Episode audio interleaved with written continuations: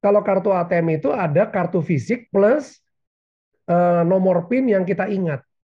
Nah, itu artinya kartu fisik itu yang biasa kita sebut what you have. Hmm. Apa yang Anda punya. Okay. Kemudian uh, apa yang kita ingat itu what you know, apa yang kita tahu. Nah, jadi dua faktor ini memperkuat sebuah keamanan. Nah, apa yang terjadi di internet nggak begitu. Kita cuma hanya user ID dan password. Itu semuanya what you know. Ya, jadi cuma satu faktor. Nah, akibatnya karena satu faktor lebih gampang dimanipulasi. Gitu kan? Nah, lalu dipikirkanlah dengan cara yang berbeda. Akibatnya sekarang mulailah menggunakan yang namanya multi-factor authentication. Cicol, Digital Yours.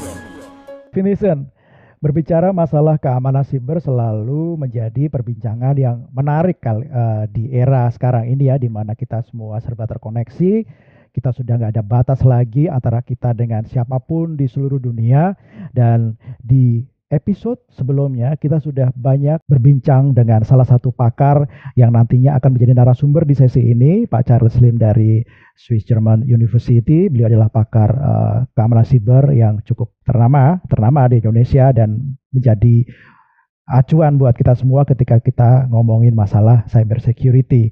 Nah, kalau di episode sebelumnya kita sudah uh, bicara masalah apa itu tren uh, keamanan siber tahun 2022 dan selanjutnya, kemudian bagaimana sih kita mengenali, mengidentifikasi uh, sumber-sumber informasi yang uh, bisa menjebak kita atau yang aman buat kita dan kemudian tips-tipsnya apa saja sih agar kita terhindar dari uh, fraud, terhindar dari uh, perilaku kejahatan dilakukan oleh para penjahat siber. Kali ini kita akan ngomongin satu topik yaitu multi factor authentication. Nah, atau MFA ya yang kita biasa uh, sebut. Nah, apa itu MFA? Kali ini kita masih ngobrol dengan salah satu narasumber yang oke okay banget kalau kita ngomongin cyber security, Pak Charles Lim. Halo Pak Charles, kita ketemu Halo. lagi di sini.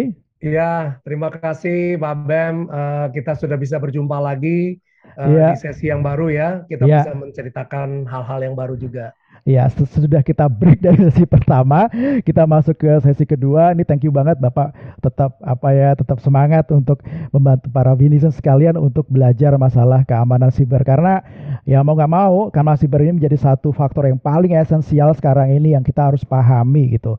Di episode sebelumnya thanks banget Bapak sudah sharing tentang tips tentang apa itu keamanan siber dan apa yang harus menjadi kewaspadaan kita. Nah, di ujung episode pertama, Bapak kayaknya pernah menyinggung uh, satu poin yang menarik tentang uh, multi-factor authentication atau MFA, Pak, atau MFA ya. Uh, boleh dijelasin nggak sih, Pak, uh, multi-factor authentication itu apa gitu?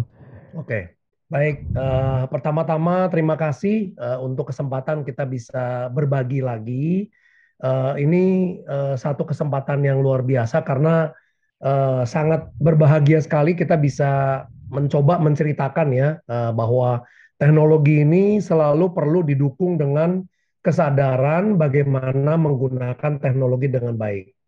Nah, pertama-tama kalau kita lihat yang paling mudah gitu ya, uh, kita lihat selama ini kalau kita menggunakan kartu ATM ya. Jadi hmm. uh, saya sering menggunakan uh, kartu ATM ini sebagai contoh yang paling mudah. Kenapa? Karena setiap orang pasti punya kartu ATM dan pengen ambil uang dari bank dan apalagi kalau misalnya banknya lagi uh, sudah lagi tidak beroperasi, kita harus ngambil uang. Nah, uh, yang paling mudah, yang paling cepat adalah menggunakan ATM. Nah, kalau kita perhatikan ATM ini sesuai uh, dengan namanya ATM gitu kan, ya walaupun uh, bahasa Inggrisnya itu kan automatic teller machine gitu kan. Iya. Yeah. Nah, tapi kalau di Indonesia kan kita selalu harus punya kartu plus PIN yang kita pakai untuk bisa mengakses uang kita. Ya, jadi e, caranya bagaimana? Ya, caranya kita bawa kartu ATM kita, datang ke bank atau ATM, mesin ATM, kita masukkan kartu kita. Nah, biasanya mungkin di depan ATM itu mungkin sudah ada kamera yang merekam kita ya atau dari atas ya dan sebagainya. Lalu kita masukkan PIN. Nah, artinya apa? Artinya ada dua faktor. Ya. Satu, Anda harus punya kartu, yang kedua, Anda harus punya PIN. Nah, setelah itu berhasil, maka dia akan tanya, apa yang Anda akan lakukan hari ini? Mau ngambil uang atau mau setor uang dan sebagainya. Nah, ini yang sudah menjadi kebiasaan standar bank. Ya, bahkan eh, zaman sebelum ada internet pun ATM ini udah menjadi standar. Nah, problemnya begitu kita masuk ke internet, apa yang terjadi? Kita hanya memasukkan user ID dan password. Hmm. Ya. Nah, user ID dan password itu kan semua ada di dalam kepala kita. Ya, sama seperti tadi PIN. Tapi problemnya kita nggak ada yang fisik. Kalau tadi kartu ATM itu kan fisik, ada kartu fisiknya. Ya, jadi dengan kata lain, kalau kartu ATM itu ada kartu fisik plus uh, nomor PIN yang kita ingat.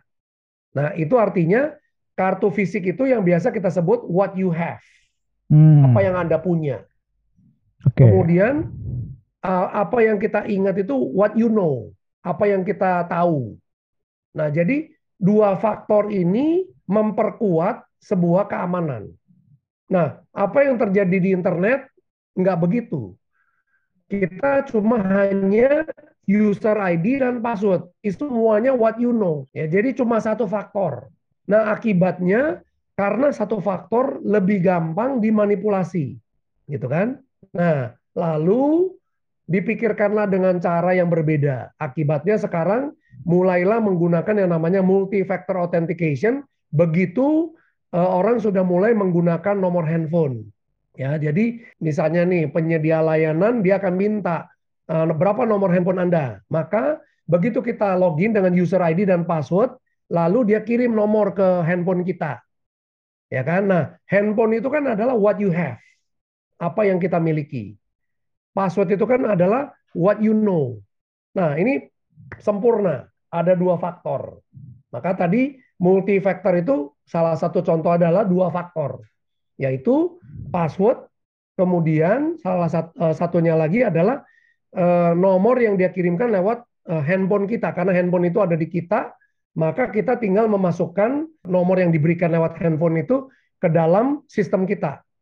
Nah, dengan itu dilakukan, maka terjadi yang namanya two factor atau multi factor authentication. Nah, kira-kira konsepnya begitu, Pak Bem. Dengan kita melakukan multi factor, maka pengamanan itu akan jauh lebih baik. Gitu hmm. Gitu ya. Oke. Okay. Kira-kira ada keunggulan lain Pak dari apa namanya kalau kita memiliki software hardware yang berbasis uh, eh, MFA ini? Ya, sebenarnya selain daripada kita menggunakan apa namanya uh, what you know, what you have, sebenarnya ada satu lagi faktor yang cukup penting yaitu who you are. Hmm. Nah, siapa Anda? Yeah. Nah, siapa Anda ini biasanya diambillah muka kita, ya raut hmm. muka kita, fingerprint kita, kita punya sidik jari ya. Nah, yeah. itu diambil menjadi three factor atau jadi kalau password ditambah dengan kode yang dikirimkan ditambah dengan fingerprint kita atau muka kita. Nah, ini akan semakin memperkuat. Jadi kalau uh, mungkin Pak Bem masih ingat kalau di eh, film-film uh, kan suka uh, mereka nggak hanya menggunakan badge ya kan? Mereka juga harus menggunakan mata mereka. Mereka buka kacamata, ya, betul, betul. mereka harus uh, scan matanya, ya kan? Atau mukanya ditampilkan atau pakai fingerprint, ya dan sebagainya. Nah, ini kan bentuk daripada yang sebenarnya multi-factor authentication. Nah, kita sudah biasa melakukan itu di fisik. Cuma begitu kita masuk ke digital, kita lupa bahwa hmm, hmm. kebiasaan yang tadinya sudah kita lakukan ini kita tidak lakukan di dunia digital.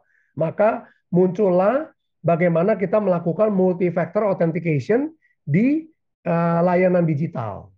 Kira-kira gitu. Jadi hmm. dengan cara ini, maka multi-factor authentication ini bisa mengamankan lebih baik lagi. Ya. Dan ini bagian dari tadi sesi pertama itu kita bicara tentang zero trust architecture. Jadi uh, multi-factor authentication ini akan membantu ke zero trust architecture tadi. Kira-kira gitu. Oke, mantap. Nah, ini apa yang perlu kita pertimbangkan saat memilih produk atau solusi ataupun layanan Hmm. yang berbasis MFA ini, Pak? Ya, ya. Jadi kalau kita lihat eh, sebenarnya produk-produk yang ada saat ini eh, itu sebenarnya mengarahnya nggak jauh-jauh dari yang tadi saya sebutkan. Ya. Eh, cuma mungkin ada modifikasinya seperti contoh misalnya saya pernah melihat produk yang eh, saya tidak perlu sebutkan mereknya. Misalnya pada saat kita ketik password kita, ya jadi misalnya kita masukkan PIN kita. Nah, begitu kita masukkan PIN kita, sebenarnya eh, ada produk yang bisa menghitung jarak antar PIN. Artinya waktu kita memencet angka, ya. Nah, jarak antar angka itu ternyata eh, setiap orang punya keunikan sendiri. Jadi kalau saya mencet angka sama Pak Bem mencet angka itu pasti beda. Hmm. Nah, itu produk yang unik. Nah, Iya, iya, ini iya. salah satu produk yang membedakan bahwa oh, saya pakai PIN sama Bapak pakai PIN itu pasti beda. Jadi misalnya saya pakai PIN yang sama nih, ya, dengan PIN yang sama di handphone saya. Terus Pak Bem pencet di handphone saya, pasti tidak akan eh, otentikasi. Kenapa? Karena dia bilang Anda punya cara mencet sama cara mencetnya Pak Charles Hmm. beda. Oke, oke. Jadi bisa membaca behavior ya, Pak ya? Betul. Nah, Oh, ini oke. behavior ini menjadi satu tren yang baru. Hmm, keren, Nah, keren, ini keren. ini berkelanjutan lagi ke riset yang lain. Misalnya contoh, biasa kalau di film-film itu mungkin Bapak lihat eh, ada kayak apa namanya X-ray ya, orang kalau melewati satu tempat kelihatan orangnya sedang jalan gitu kan. Nah, cara jalannya pun ya langkahnya itu tek tek tek tek tek itu dipelajari. Ternyata Hmm. mungkin kalau kita mungkin tinggal di kos-kosan mungkin Pak Bem kalau zaman kita kuliah gitu kan kita tahu oh teman saya yang di atas lantai atas sudah pulang. Oh si A udah pulang. Oh si B udah pulang. Dari cara jalannya kita udah tahu oh ini si A, ini si B. Nah, ternyata itu dipelajari itu benar. Ya. Hmm. Jadi cara kita jalan ketak-ketok ketak-ketoknya ini ini juga sebuah behavior. Nah, jadi produk-produk eh, multi-factor authentication ini juga mempelajari behavior dari manusia. Nah, ini tren daripada produk eh, multi-factor authentication itu ke arah sana. Mempelajari behavior manusia, bukan saja who, memang memang masuk who you are, tapi lebih ke behaviornya. Kira-kira begitu. Oke, oke. Ini termasuk eh, dalam membaca ketika eh, muncul misalkan apa ya kemungkinan ada serangan gitu Pak. Ada ada orang atau penjahat siber yang mau masuk, kira-kira Ya. kayaknya perilakunya kok nggak sama gitu. Nah, itu. Ah, nah itu bisa bisa menjadi eh, apa ya mereka bisa membaca gitu, bisa membaca Betul. sehingga membantu kita untuk memprevent ya Pak ya. Ya. Oke. Jangan man- sampai autentikasi itu berlangsung gitu kan. Iya, siap, siap, siap. Oke, thank you banget Pak. Semoga tips yang singkat, padat, yang menarik ini bisa menjadi insight kita dalam memahami keamanan siber yang lebih baik lagi. Thank you banget Pak atas sesi keduanya yang singkat tapi saya rasa ini jadi satu tips yang menarik yang mudah-mudahan bisa diingat uh, oleh Finison semuanya apa itu MFA dan saya rasa uh, memang sudah selayaknya kita di era saat ini harus memiliki uh, satu kewaspadaan, satu pemahaman dan kalau bisa kita mengimplementasi atau mengadopsi solusi-solusi atau perilaku-perilaku yang makin menjamin keamanan kita. Salah satunya adalah dengan menggunakan hardware, software, atau apa pun yang berbasis MFA. Gak usah merasa terrepotkan ya Pak ya, tapi ini Ya. menjadi satu hal yang memang mau nggak mau memang harus kita lakukan agar data kita aman, kemudian eh, ya kita bisa terproteksi dan kita bisa terhindar dari perilaku-perilaku kejahatan siber. Ya. Oke, thank you Pak Charles. Lain kali mungkin eh, kita akan ngerepotin lagi Pak Charles untuk Sama-sama. ngobrolin hal lain. Kalau kalau kita ngomongin keamanan siber ini kan nggak ada habis-habisnya Pak. Selalu ada ada yang baru. Iya. Teknologi selama masih bergulir ya kita akan bisa banyak bicara masalah teknologi dan bagaimana mengamankan teknologi tersebut. Siap. Jadi jangan eh, apa Pak bosan-bosan berbagi informasi dengan Finishing Siap. semuanya. Selalu dan siap. ya dan kepada Finishing semuanya eh, kalau Anda punya pertanyaan, punya apa pun, komen dan sebagainya, Anda boleh eh, sampaikan di bawah.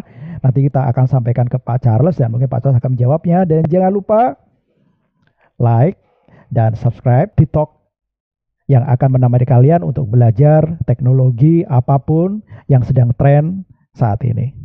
Oke, sekali lagi thank you Pak Charles, sehat-sehat selalu dan juga sehat-sehat semuanya buat Hidison semuanya. Kita ketemu lagi di topik yang berbeda dengan narasumber yang keren-keren semuanya. Thank you. Pak Charles, thank you. Hidison, thank you. Terima kasih. Bye.